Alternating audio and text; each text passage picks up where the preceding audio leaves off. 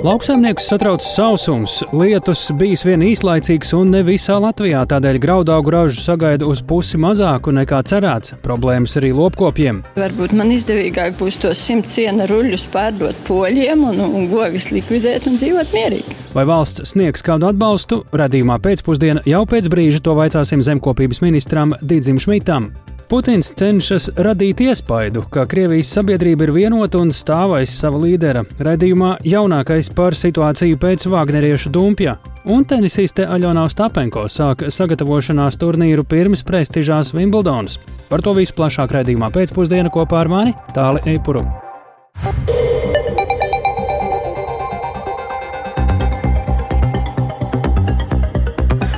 Ir 16,5 minūtes, skan Latvijas radio viens raidījums pēcpusdienā, skaidrojot šodien svarīgus notikumus studijā Tāles Eipurs. Graudkopiem Šodien, eh, šogad varētu izdoties nokult vien pusi no plānotās rāžas, tā lēš lauksaimniecības organizācija sadarbības padome. Arī zemnieku saimā secina, ka sausuma ietekme sējumu laukos svārstās no 30 līdz 90 procentiem no to platības. Ilgstošā sausuma radītie postījumi ir visā Latvijā, bet daļā valsts nokrišņu joprojām ir bijis ļoti maz vai nemaz. Tā tas joprojām ir arī dažviet vidzemē. Tieši turp uz vienu no saimniecībām devās kolēģe Sintīna Ambote, lai kopā ar ar zemnieku eh, saimniecības pārstāvi apskot sausos eh, labības laukus. Klausāmies ierakstu. Un lapām jābūt būtu zaļumam vēl nedēļas trīs, vēl jābūt būtu. Tāda krāsa jau principā ir tad, kad uz kulšanu jau taisās. Tā ir ārkārtas situācija. Jā. Kāpēc viņi nesludina, es nezinu. Gulbenes novada Tirzas pagasta zemnieku saimniecībā Lejas Zosēna saimnieks Jānis Jēgers rāda labības laukus. Ziemas kviešu tīruma zemākajās vietās daļa vārpus zaļas, bet augstākās vietas, kur zemes milšānāka un vieglāka, redzami saulē izdeguši pleķi. Pagaidām zemnieks precīzus ražas zudumus nelēš, jo to skaidri varēs vērtēt tikai vēlāk, jau ar kombainu uzbraucot uz lauka. No sausuma Principā nu, vārpu garums ir pat auga garums ir 30 cm.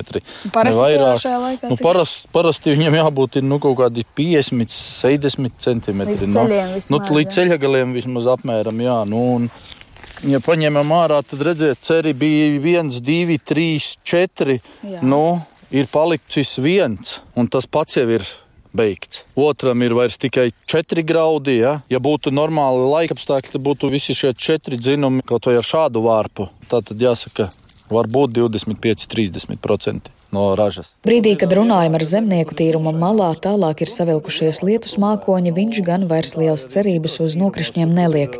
Vienlaikus papildus bažas rada iespējama krusa, kas novaināto lauku sabojātu vēl vairāk.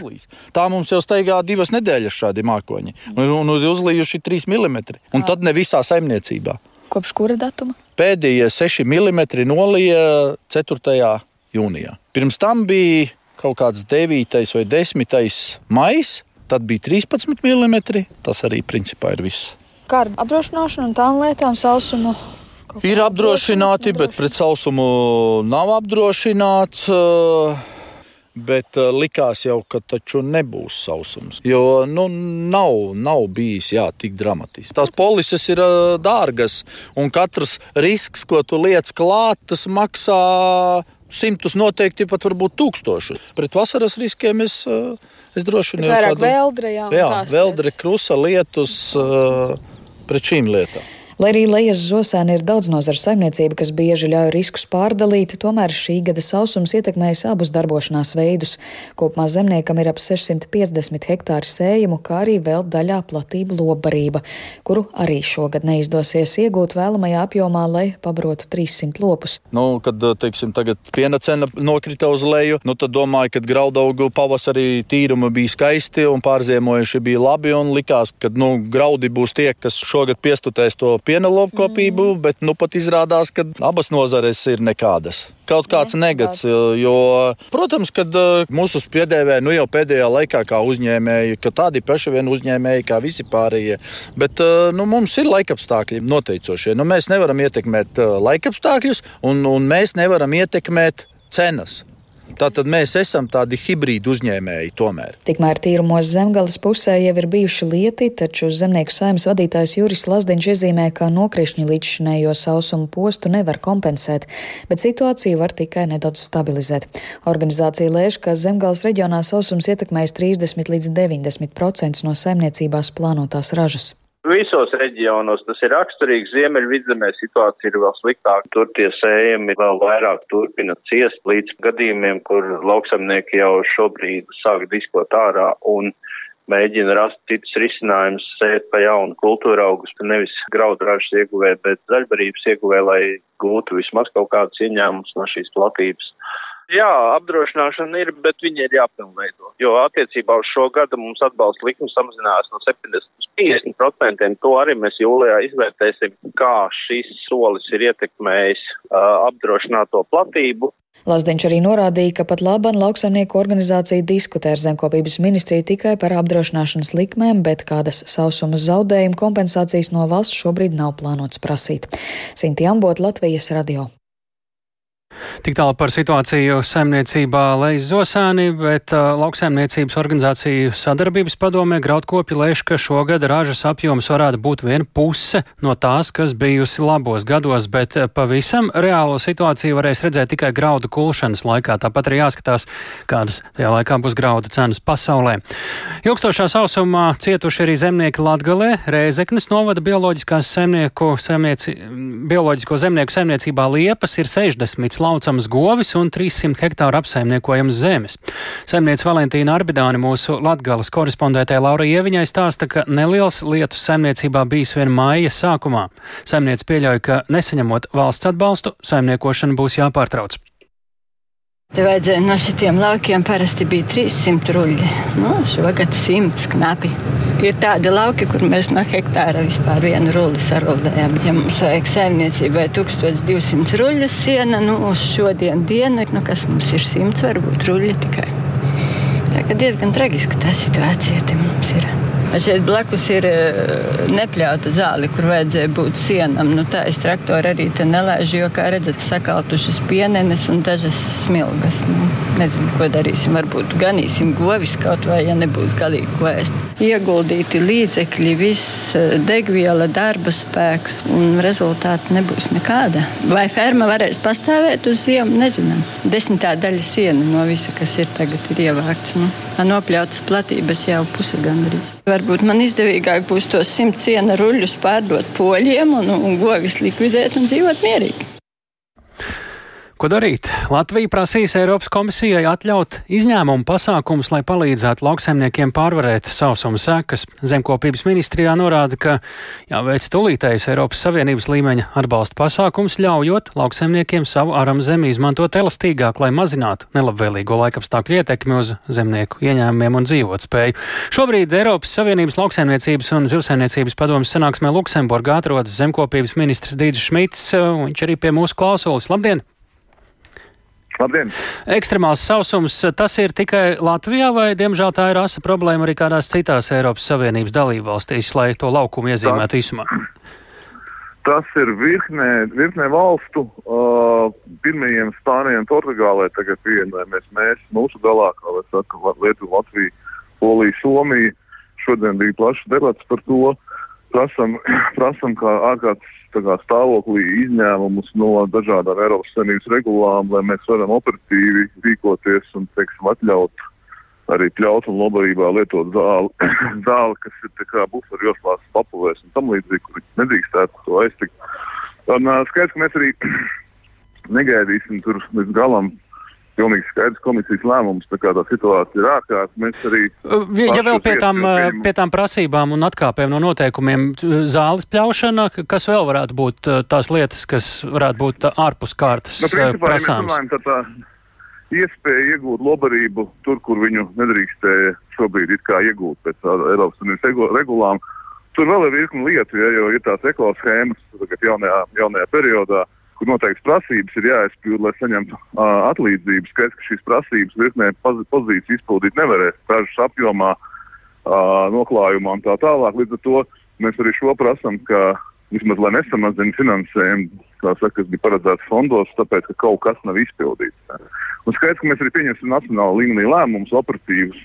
Kurus, Jā, par, par tiem pēc brītiņa, bet uh, vēl par Eiropu Jā. paliekot, uh, šobrīd uh, tā atsaucība šīm prasībām, kas tiek virzītas gan no Latvijas, kā arī, no, protams, vēl no citām valstīm, kāda tā ir bijusi un kāds tad no Briseles ne, varētu būt tālākais? Jā. Tieši? Neviena no dalībniekiem diezgan plaša debata bija par šo mūsu virzīto jautājumu. Latvija bija pirmā, kas virza, bet tad mums atbalstīja vēl septiņas valsts tajā pašā virzībā. Visi, kas, visi dalībvalsts, kas uzstājās, pilnībā atbalstīja to, ka šī izņēmuma ārkārtas situācijā, kāda klimatiskajā ir šo, šobrīd ir jā, jāveic. Uh, arī komisārs tāds būtisks iebildums neteica. Nu, sūtiet mums aptuveni informāciju, skaņosim, darīsim. Bet Protams, tur ir kaut kāda laika nobīde. Mums nav īsti laiks to līdz galam skaņot. Jā, nu laiks šeit ir ļoti svarīgs. Šobrīd mēs dzirdējām, kāda situācija ir uh, zemniekiem uh, vienā un otrā vietā Latvijā. Uh, ko tas varētu laika izteiksmē nozīmēt, lai kaut kas tāds stātos spēkā? Un kā jūs tad teiktu, cik reāli tas varētu būt, lai cilvēki varbūt tie, kur klausās, jau kaut kā varētu sākt rēķināties? Tas ir reāli, kā es saku, mēs jau virkni lēmumus pieņemam tagad ar vadības protokolu, kā saka, palīdzību zemkopības ministrijā un attiecīgi attiecīgi man rīkojumu, gan iestādēm, kā vērtēt šo situāciju, gan arī lauksaimniekiem nu, šis, šīs brīvības dot. Uh, kopumā, ja ņemam Eiropas Savienības komisiju, tad tā sapratne par situāciju ir. Ja mēs šodien gala balsojums vēl nav, bet komisija apstiprināja savu saku, piedāvājumu pēdējai pakotnē attiecībā uz. Uh, nu, nu, ko tas nozīmētu? Kad, kad varētu stāties kaut kas spēkā? Kāds tas ātrums tur ir? Eiropas Savienībā šobrīd? Nē, nē, es saku, šodien uh, apstiprināju priekšlikumu, nu, kāda komisija nāk klāta priekšlikumu attiecībā par augstsniecības rezerves fondu lietošanu. Tas gan mums šajā gadījumā ir par pienu nozari, bet uh, mēs saņēmām faktiski divreiz lielāku atbalstu nekā uh, sausuma dēļ šobrīd. Sa sausuma dēļ šobrīd par naudu runāt nevar, tāpēc, ka vēl nav konstatēta nekādas nu, seku konstatācija, kā mēs saprotam, būs tikai kaut kur augustā, augusta beigās. Ja. Tad līdzīgi kā ogās un uh, augļos, kas nosaucamos salnā, šobrīd tiek skaitīti zaudējumi. Tad, kad viņi būs saskaitīti, mēs varam konkrēti runāt par kaut kādām naudas summām un iespējām palīdzēt, un arī jautājums, kam palīdzēt. Pirmām kārtām. Ja. Mm. Bet viena sadaļā, nu, viena sadaļa mēs sākām runāt komisijā decembrī. Tagad uh, faktiski ir priekšlikums galdā. Jūlijā sākumā būs balsojums, bet nu, arī pēc debatēm šodien pilnīgi visi atbalsta šo. Tā kā ir skaidrs, ka lēmums būs. Ja. Paliekot vēl pie sausuma, neatkarīgi no tā, ko lem Briselē, kāda ir mūsu pašu vietējā nacionālā iespēja reaģēt uz sausumu, uz atbalstu, zemnieki piesauc valsts atbalstu, kas šeit ir tas, ko varam autonomi darīt, kāds ir plāns šobrīd, cik tas ir aktuāls? Es jau teicu, mēs rīkosimies, mums ir kaut kādas nacionālas iespējas, ir arī fleksibilitāte, zinām, fondos. Es jau, es jau teicu pašā sākumā attiecībā par uh, lobarības lietošanu ārpus atļautajām teritorijām. Tas ir primārais. Šobrīd, ja mēs skatāmies laika grafikā, lai nav tā, ka mums nav vairāk darbības uh, dzīvniekiem, mēs zinām, ka poļi brauc pie mums pirms šobrīd, ja mēs cenšamies panākt situāciju, lai mums nepietrūks vienkārši ko barot dzīvniekiem. Tas ir tas pirmais solis. Otrais solis ir saskaitīt zaudējumus un meklēt nacionālo Eiropas Savienības finansējumu. Pienā mums, kā saka, ir iedots, tagad jāiet tālāk. Ja. Tā arī nacionālais finansējums. Šobrīd tad, tie aprēķini, protams, ka vēl nav, tad uz rudens pusi tuvāk tur varētu kaut ko darīt. Ja? Tā? Jā, jā, nu pieņemsim, pienā mums, ir ne, ne, nepilnīgi 7 miljonus ar tiesībām katrai dalībvalstī pievienot nacionālā finansējumu vēl 200%. Jā. Mm -hmm. To mēs arī prasīsim. Mēs vismaz valdība šādu te, nu, Eiropā mēs esam dabūjuši maksimumu, ko mēs varam dabūt. Un tagad, kā saka, būs jālem Latvijas valdībai, vai viņi pievieno šos 200%, ko noteikti darīs cits dalībvalsts, vai nē. Tas būs jautājums, kas būs jālem valdībā.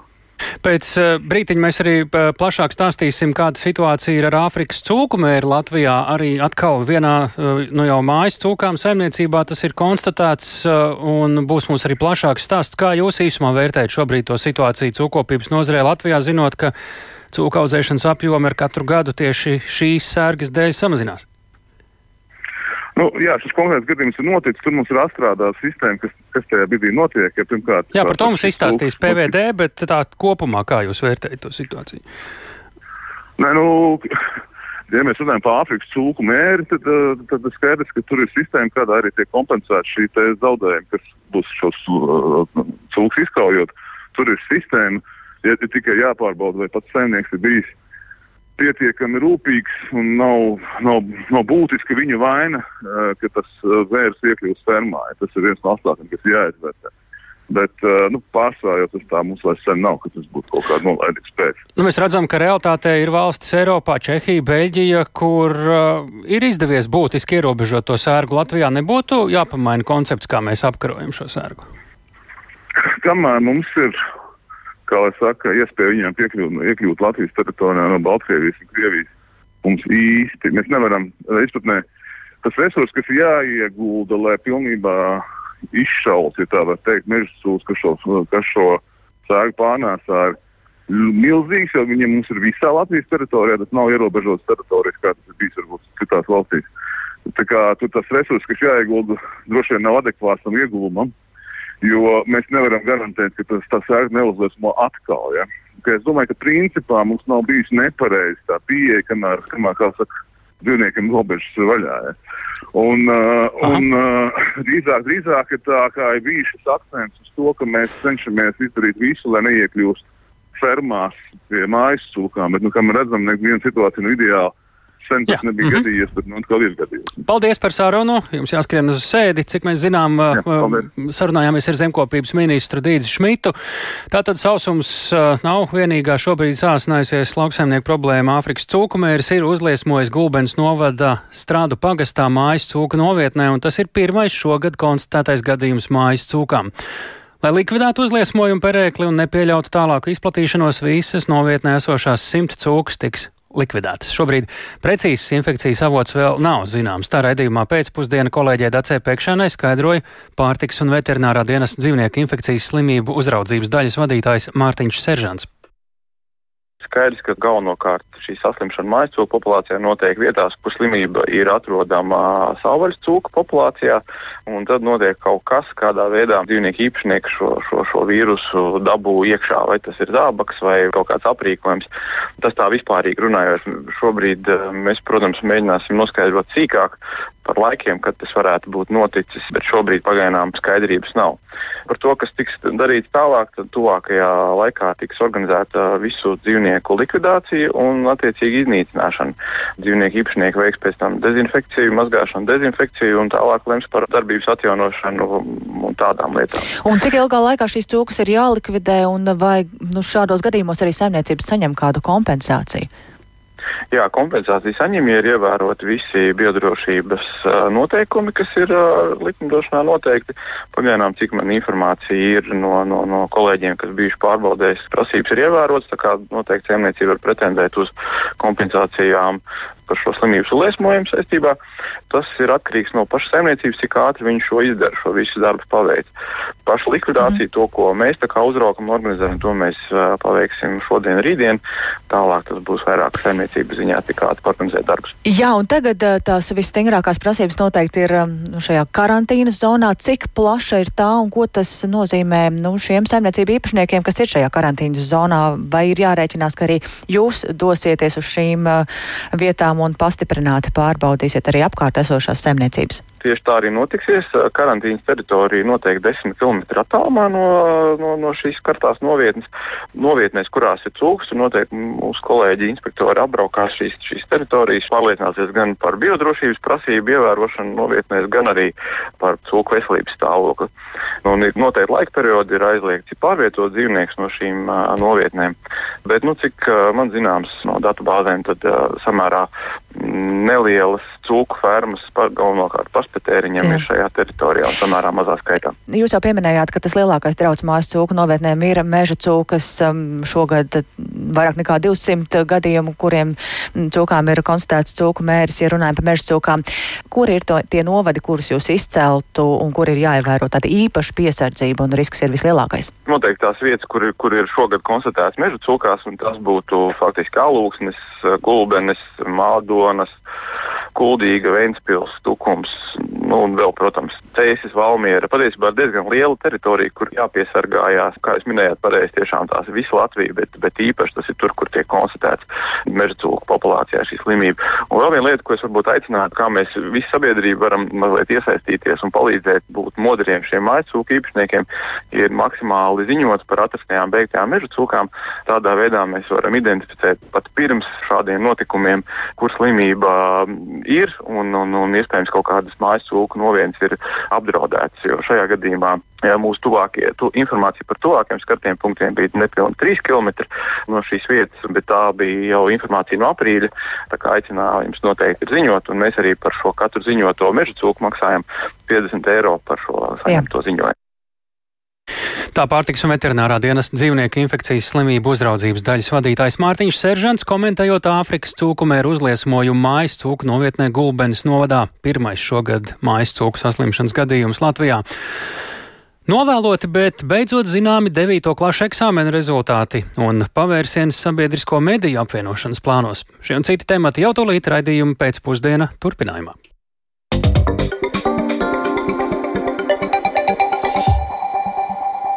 Pēc nedēļas nogalē notikušā bruņotā dumpja, ko sarīkoja privātās militārās armijas Wagner vadītājs Jevgenijs Prigožins, Krievijas prezidents Vladimirs Putins cenšas radīt iespaidu, ka Krievijas sabiedrība ir vienota un stāv aiz savu līderu. Putins šodien Kremlī sapulcinātiem drošībniekiem un militāristiem demonstratīvi pateicās par dumpja apspiešanu. Tikmēr Krievijas amatpersonas sākušas aktīvi izplatīt uh, propagandas vēstījumu, ka Prigožina dumpi ir atbalstījušas ASV, tā Krieviju mēģinājuši destabilizēt ārēji spēki. Vairāk par jaunāko ir gatavs pastāstīt kolēģis Uldis Česberis. Jā, sveiki! Jā, Putins šodien uzrunāja vairāk nekā 2000 militāru personu, kā arī iekšlietu sistēmas un izlūkdienestu darbiniekus, jā, kuri bija sapulcināti Kremļa katedrālas laukumā. Un uh, savā īsajā runā Krievijas prezidents pateicās par armijas un drošības struktūru lojalitāti un uh, rīcību apturot uh, Wagner dumpi. Putins uzsvēra, ka pateicoties tam Krievija esot izvairījusies no asiņaina pilsoņu kara. Viņš arī sacīja, ka Krievijas iedzīvotāji dumpja laikā nav izrādījuši atbalstu Wagner kaujiniekiem, nu, lai gan sociālajos tīklos ir atrodami neskaitām video, kuros redzams, kā cilvēki, piemēram, Rostovā pie Donas fotografē fotografējas kopā ar Vagneriešiem un arī izsauc viņiem dažādus atbalsta saukļus. Un eh, Putins eh, savā uzrunā vispār nepieminēja vienošanos, ko Kremlis noslēdz ar Wagneru, lai panāktu, ka grupējuma kaujinieki aptur savu virzību uz Maskavu un atsakās no plāniem gāzt Krievijas militāro vadību eh, kuras priekšgalā ir aizsardzības ministrs Sergejs Šoigu, kurš, starp citu, arī bija manāms katedrālas laukumā. Kā norāda raidsabiedrības BBC korespondents Maskavā Stīvs Rozenbergs, tad Prigožinas sarīkotais dumpis bija bezprecedenta izaicinājums Putina režīmam, taču Putins runā esot centies nu, pasniegt notikušo kā savu un Krievijas uzvaru, lai gan faktiski dumpis izgaismoja plaisas Kremļa varas pamatos. Jau vēlāk Kremlī tiekoties ar militāru personām, Putins diezgan negaidīti paziņoja, ka grupējumu Wagner savulaik izveidoja ar Kremļa atbalstu un uzturēja no aizsardzības ministrijas budžeta. Viņš arī piebilda, ka laikā no 2022. gada maija līdz šī gada maijam valsts ir piešķīrusi Wagner 86 miljārdus rubļu, jeb aptuveni 920 miljonus eiro. Un iepriekš gan Putins, gan citas Krievijas amatpersonas bija uzsvērušas, ka Wagner ir privāta kompānija, ko ir izveidojis Prigožins. Uh, Krievijas aizsardzības ministrija šodien paziņoja, ka ir uh, sākta gatavošanās tam, lai um, Wagner rīcībā esošā bruņu tehnika tika, tiktu nodota Krievijas regulāro bruņoto spēku rīcībā, kas varētu liecināt par grupējuma izformēšanu. Savukārt Krievijas Nacionālās gvardes komandieris Viktors Zolotovs paziņoja, ka viņa pakļautībā esošie spēki tiks apbruņoti ar smago bruņojumu un tankiem. Un vēl gan jāpiebilst, ka Krievijas federālais drošības dienas šodien paziņoja, ka izbeidz pret Wagner ierosināto kriminālu lietu par bruņota dumpja sarīkošanu. Dienas izplatītajā paziņojumā teikts, ka lieta izbeigta, jo Wagnerieši 24. jūnijā esot pārtraukuši darbības, kas bijušas vērstas uz nozieguma izdarīšanu. Tālāk. Jā, Uldi, vai ir kādi jaunumi par to, kur uh, reāli fiziski atrodas uh, pēdējās dienās uh, daudz pieminētais Prigožins? Nu, nē, Prigožina atrašanās vieta joprojām ir liela mīkla. Šorīt pienāca informācija, ka Prigožinam piedaroša lidmašīna ir nolaidusies Mačuļišķu militārajā lidlaukā pie Mīnskas, taču nav zināms, vai tajā atradās arī pats eh, Wagner vadītājs, kuram pēc sestdien vakarā panāktās vienošanās ar Kremli faktiski vajadzēja doties trimdā uz eh, Baltkrieviju. Un arī Kremļa runas vīrs Dmitrijs Peskovs šodien sacīja, ka Prigožina atrašanās vieta nav zināma, bet, nu, To var skaidri, skaidri zināms, ka tie visticamāk ir meli, jo nu, diez vai uh, Prigožins pašlaik var kaut kur pārvietoties bez Kremļa ziņas. Liels paldies, Udi, par jaunāko no Krievijas, stāstot par sakām, kādas ir atstājis Wagner grupējuma reids pa Krieviju. Bet eh, pavērsiens sabiedrisko mediju apvienošanas plānos. Saimas atbildīgā komisija pēc ilgākām debatēm ir likusi par mediju nozari atbildīgajai kultūras ministrijai sagatavot grozīt likums par sabiedrisko mediju apvienošanu un finansēšanas modeļu izmaiņām. Šobrīd redzams, ka no valdības un vēlāk arī saimas lēmumiem rudenī tad arī būs atkarīgs, vai notiks plānotā Latvijas radio un televīzijas apvienošana no 2025. gada, un ar to saistītais arī finansējuma palielinājums vai tiks izpildīts par komisijā pausto vēlmi virzīt sabiedrisko mediju apvienošanu vairāk Jāņa Kīņša sagatavotajā ierakstā. Divas darba grupas par sabiedrisko mediju apvienošanu un to finansēšanas modeļu maiņu sasauc pēc Latvijas radio darbinieku kolektīvajā vēstulē paustajām bažām par sabiedrisko mediju apvienošanas procesa sasteigtību un nepietiekumu sasaisti ar uzdevumu vienlaikus ar apvienošanu virzīt arī sabiedrisko mediju finansējumu palielinājumu. Argumentus par labu pārdomātai sabiedrisko mediju apvienošanai vizītēs Igaunijas un Lietuvas sabiedriskajos medijos kopā ar Latvijas radio un Latvijas televīzijas vadības mēlušies arī Saimas cilvēktiesību un sabiedrisko lietu komisijas deputāti. Kaimiņu valstīs sabiedrisko mediju finansējumu un attīstību plāno vairāku gadu griezumā, ļaujot plānot investīcijas attīstībai un arī straujāk attīstīt digitālos risinājumus. Tie līdzās klasiskajai radio un televīzijas apraidē kļūst arvien populārāki. Šā gada rudenī Latvijā Skaidrību par šo procesu virzību no politiskās vadības prasa arī sabiedrisko elektronisko plašsaziņas līdzekļu padomas vadītājs Jānis Siksnis. Konceptuāls lēmums būtu vajadzīgs tagad, bet skaidrība par to ir vajadzīga vismaz līdz septembrim.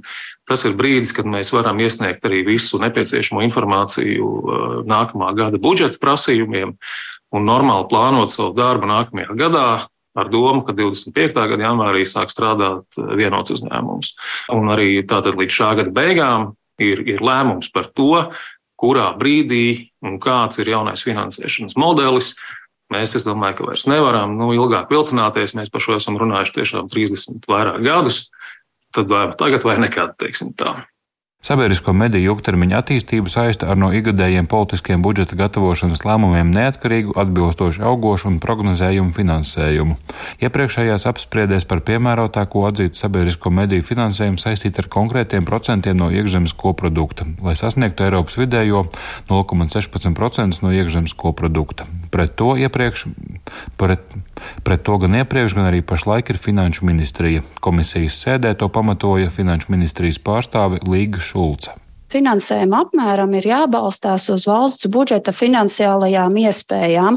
Ir saglabājams esošais finansēšanas modelis, jo esošā budžeta veidošanas sistēma nosaka, ka papildu finansējums tiek piešķirts izvērtējot visu nozaru iesniegtos prioritāros pasākumus, ņemot vērā visas valsts vajadzības.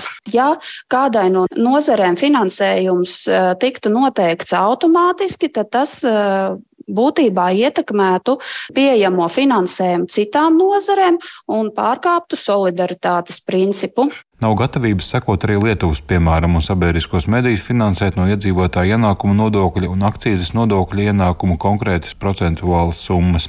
Tāpēc Saimnes komisijas deputāti izšķīrās piedāvāt sabiedrisko mediju finansēšanas plānu divi vienā - kompromisu, saglabājot gan sabiedrisko mediju budžeta piesaisti konkrētiem procentiem no iekšzemes koprodukta, gan iekļaujot vēl vienu darba grupas piedāvātu scenāriju par sabiedrisko mediju attīstības plānu trīs gadu nogrieznī. Saimnes komisija, kuras šīs dienas lēmumu gan nav saistoša valdībai, tādējādi mudina izvēlēties atšķirīgu pieeju, kā turpmāk finansēt sabiedriskos mēdījus. To uzsvēra Saimnes cilvēktiesību un sabiedrisko lietu komisijas vadītāja Ieva Branta no apvienotā saraksta. Katrā gadījumā es neesmu dzirdējis komisijā, ka mēs esam pret, kad medijas ir jāapvieno, lai veidotu vienotu sabiedrisko mediju, kas ir pārliecinošs, efektīvs un spēka pilns. Turpmākie lēmumi par sabiedrisko mediju finansēšanas modeli mēs arī saprotam, ka tie ir politiski. Budžetu veido ministru kabinets, tā ir viņa ekskluzīvā kompetence valsts budžeta likums un tā iespējas ir tādas, kādas ir, taču vienlaikus mūsu valsts stratēģijā ir vienota pozīcija par to, ka mēs ejam uz apvienošanu, un spēcīgs valsts medijas ir valsts drošības jautājums. Komisija uzdeva par mediju nozari atbildīgajai kultūras ministrijai sagatavot likuma grozījumus, kuros iezīmēt attiecīgie sabiedrisko mediju darbību ietekmējošie faktori. Galvenie principi, ko deputāti šādi cer nodrošināt, ir sabiedrisko mediju finansējuma pieaugums un prognozējumība vairākiem vairākiem gadiem uz priekšu. Valdībām vēlāk saimā darbu ar šiem likuma grozījumiem paredzēts turpināt rudenī. Jānis Kincis, Latvijas radio.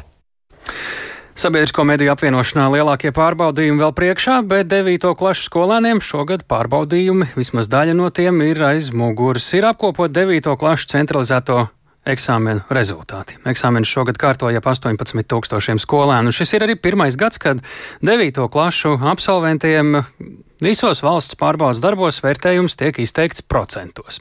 Bet kā viņiem ir gājis, to plašāk ir gatava izstāstīt kolēģi Agnīlā Zdiņa. Viņa ir aprunājusies ar atbildīgajām amatpersonām un šobrīd ir arī ieradusies pie mums studijās. Vai Agnī, kādi ir tie pirmie secinājumi par pamatskolu eksāmenu rezultātiem? Labdien! Sākumā gan jānorāda, ka šie rezultāti ir provizoriskie uz šī gada 21. jūniju, kuros vēl nav dati par papildtermiņu starp pārbaudījumiem. Un šī ir pirmā, šī pirmā sesija ir pilnīgi jauna pieredze izglītības nozarē, un kā jau tu tāli minēji, pirmais gads, kad vērtējums tiek izteikts procentos, bet ne tikai. Arī saturs ir pilnīgi cits, līdz ar to šos rezultātus nevērtē vai nesalīdzina ar pagājušā gada 9. klašu eksāmeniem. Un par to, kāpēc šogad eksāmeni pamat pamatskolām ir vērtēti centralizēti, to skaidro valsts izglītības satura centra vadītāja Liene Voroņenko. Viens no galvenajiem aspektiem, ko mēs ņēmām vērā, ir, ka šogad noslēdzās tātad jaunā izglītības standarta ieviešanas process. Līdz ar to mums bija ļoti būtiski novērtēt, kādā veidā standarti ir apguvuši izglītojumie, cik veiksmīgi ir bijusi standarta ieviešana. Līdzīgi mūsu bērni pēdējā trīsgadē ir arī sastapušies ar Covid ietekmi uz mācībām, un šis bija viens no mēģinājumiem, kādā veidā mēs apzinājām, cik tad lielas iespējams ir šīs mācīšanās plaisas, kas ir bijušas mācību mācību procesā, mācīšanās procesā. Un otrkārt, kādas tad rekomendācijas mēs varētu dot skolām attiecībā uz nākotnes mācīšanos vidusskolā. Un trešā nebūtu ne maznozīmīgākā lieta ir tā, ka mēs vēlējāmies iegūt centralizēti, standartizētus datus. Jā, un šādi centralizēti dati esot arī visticamākie, proti vislabāk raksturo skolēnu prasmes un zināšanas, bet eh, runājot par rezultātiem, kopumā valsts izglītības satura centrs uzsver, ka rezultāti parāda, ka tiek iets prom no problēmas, proti, ka ir viens noteikts vērtējums, četras balvas, uz kuru tad eh, šie skolēni, var teikt, tā savā veidā koncentrējas. Tagad vērtējumi ir vairāk izkliedēti. Un eh, šogad skolēniem bija obligāti jākārto trīs centralizētie eksāmeni latviešu valodā, matemātikā un svešu valodā, kur varēja izvēlēties starp angļu valodu, franču vai vācu valodu. Un uh, kopumā ir izsniegti 53 tūkstoši certifikāti par pamatizglītības programmas apguvi. Vēsturiski vieni no labākajiem rezultātiem ir tieši latviešu valodā un vissliktākie matemātikā. Un uh, vērtējot saturu par šo gadu, kopējais vērtējums no pedagogiem ir tāds, ka šie eksāmeni nav bijuši sarežģītāki kā iepriekšējie pārbaudījumi. Un šogad viens no labākajiem rezultātiem ir tieši svešvalodās uh, visās daļās valodās, un uh, tad latviešu valodā, un tad attiecīgi matemātikā. Bet uh, runājot par latviešu valodu, tad vidējais vērtējums tur ir 58%, un uh, zem 10% ir 90 skolēni nokārtojuši šo eksāmenu. Un kā galvenais secinājums ir tāds, ka šie vērtējumi ir savā ziņā vienmērīgi starp visām trim daļām, kas eksāmenā bija, mhm. un uh, mutvārdu runas daļa ir bijusi visveiksmīgākā. Uh, jauna, tā bija jauna daļa šajā eksāmenā, kur jāsagatavo savus tekstus un jāspēj par Jā. to runāt runāt. Un šis ir bijis viegli saturs tieši tiem skolēniem, kuriem latviešu valoda ir dzimtā valoda. Bet kā tāds negatīvāks secinājums ir tāds, ka skolēni ir diezgan pavirši lasu uzdevumus un zem, zemo sniegumu daļā, un tikpat nepārliecinoši arī veido savus atbildes tur, kur tiek prasīts vairāk izteikt jēgpilni un argumentēti savu viedokli. Savukārt, ja runā par matemātikas eksāmenu, tad tur vidējais vērtējums ir 51%. Mm. Vēl pavisam īsi, kamēr mums vēl dažas sekundes, divos vārdos ir skolēni vecāki, kur ir iesnieguši arī apelācijas par rezultātiem, vai arī ir, ir arī ziņas, kas notiek ar tiem, kur nenokārtoja?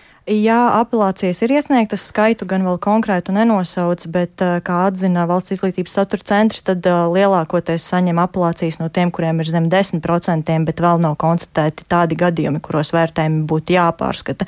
Bet savukārt par nenokārtošanu, ja kāds skolēns ir saņēmis zemāk par šiem 10%, tad uh, šajā mācību gadā viņš saņems liecību un atkārtoti kārtos tad noslēgumu pārbaudījums nākamā mācību gada noslēgumā. Tā. Paldies Agnijai Lazdiņai, tā tad ir apkopot 9. klašu centralizēto eksāmenu rezultāti. No izglītības pārējām pie sporta. Latvijas tenisiste Ļona Ostāpenko aizvadītajā nedēļas nogalē ir izcīnījusi sezonas pirmo titulu, triumfējot Birmingemas turnīrā, taču jau šodien viņa sāk Īstbornas turnīru, kas ir pēdējais sagatavošanās turnīrs pirms ļoti prestižā Wimbledonas turnīra. Šodien īsi pirms mača gan negaidīt mainījās Ostāpenko pretiniece, taču par Gatavošanos Vimbldonai, tās īpatnībām mēs plašāk sarunāsimies ar kolēģi Māri Bergu. Sveiks, Māri! Kas notika, ka Ļonai šodien nebija jāspēlē pret spēcīgo Petru Kvito, bet gan pret, es saprotu, citu Čehijas tenisistu? Sveiks, tālāk, sveicināti klausītāji. Jā, tā nu sanāca, ka apmēram pusotru stundu pirms spēles tika paziņots, ka Kvitova tomēr nespēlēs, viņas vietā stājoties Barbarai Stricovai. Šeit svarīgi paskaidrot, ka Kvitova arī nedēļas nogalē uzvarēja un izcīnīja titulu. Viņa to izdarīja Berlīnes turnīrā, un viņai arī bija tikai viena brīvdiena. Tenisā patiesībā tā ir diezgan ierasta prakse, proti situācijās, ja tu uzvari vienu turnīru un praktiski uzreiz jāspēlē nākamais, turklāt pa vidu ir jāceļo, jāšķērso valstu robežas un tā tālāk tālāk, tad tenisisti diezgan bieži patiesībā izvēlas tiešām atteikties un nemaz nespēlēt šo nākamo turnīru. Šajā gadījumā tā, tā ir Īsborna. Nu, tas arī īpaši attiecas uz gadījumiem, kad runa ir par kādiem mazākas nozīmes turnīriem, kā šīs Īsbornā, un uh, tolīt pat uzreiz seko viens no sezonas galvenajiem un lielākajiem turnīriem, tādā šajā gadījumā Wimbledona. Aļonai viss kārtībā šodien uzvara divos setos ar 6-4, 6-3, un viņi soļo tālāk tāli. Nu jā, Ostapenko tātad nu pat mēs jau iepriekš bijām ziņojuši uzvarējušajā Birmingemas turnīrā. Kāpēc viņa šajā izbornā spēlē? Nu, sekmīgi gan jāsaka, tas labi, bet, nu, it kā pirms Wimbledons varētu šķist, ka būtu varbūt arī labi atpūsties, jo pirmdien jau sāks pēc dažām dienām. Jā, no acīm redzot, Aļona un viņas komanda jūt, ka šobrīd viņa ir labā kondīcijā, ir gatava spēlēt un uzturēt spēļu tonus un nekad nenāk par skādi nevienā sporta veidā. Tad, nu, tas vienmēr ir labi.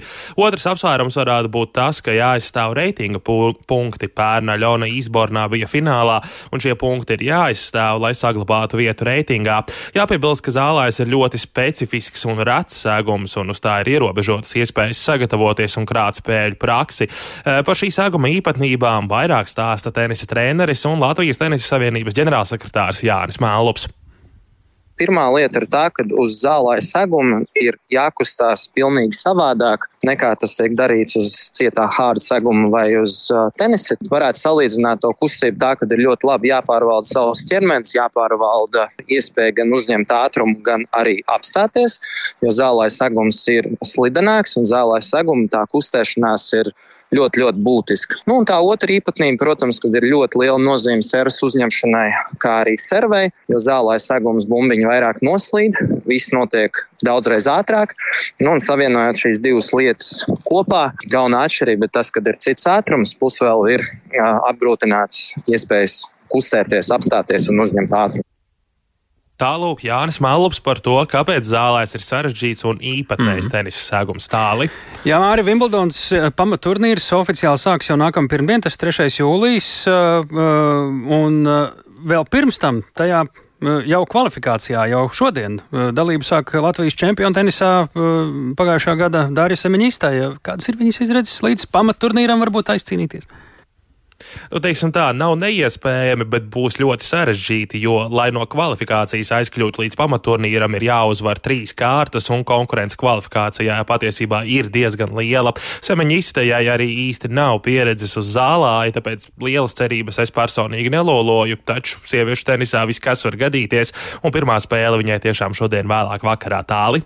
Nu, un kas līdz ar šo visu ir noprotams attiecībā uz Aļonas pirmo pretinieci Wimbledonā, varbūt arī pirmā mača sākumu. Nu, tur, protams, lietas var līt, bet jā, viss kārtībā. Jā, no Wimbledonas pamaturnīra izloze ir paredzēta piekdienas pusdienu laikā pēc Latvijas laika, un tad arī uzzināsim, pret ko Aļonai būs jāspēlē pirmajā kārtā un kāds tad potenciāli ir ceļš uz turnīra izšķirošajām kārtām. Precīzu laiku, dienu, kortu visticamāk zināsim nedēļas nogalē, bet, kā jau tu teici, tad ir jāņem vērā arī laikapstākļu neprognozējamība Londonā, jo Wimbledonas norisē tik tiešām nereti iejaucas eh, laikapstākļi un arī lietus. Tāli. Paldies, Māri! Gatavojam zemenes eh, putkrējumu un gaidām Wimbledonu. Un eh, mēs esam sagaidījuši šīs dienas redzējumu pēcpusdienu izskaņu. To veidoja, eh, veidojām mēs tāls Eipurs, Ilza Agīntā, arī Kaspars Groskops, Toms Šupēko. Klausieties šo raidījumu jebkurā laikā pēc tā izskanēšanas ēterā arī Latvijas radio mobilajā lietotnē. Mēs tiekamies arī rīt pēc ziņām 4 un 5.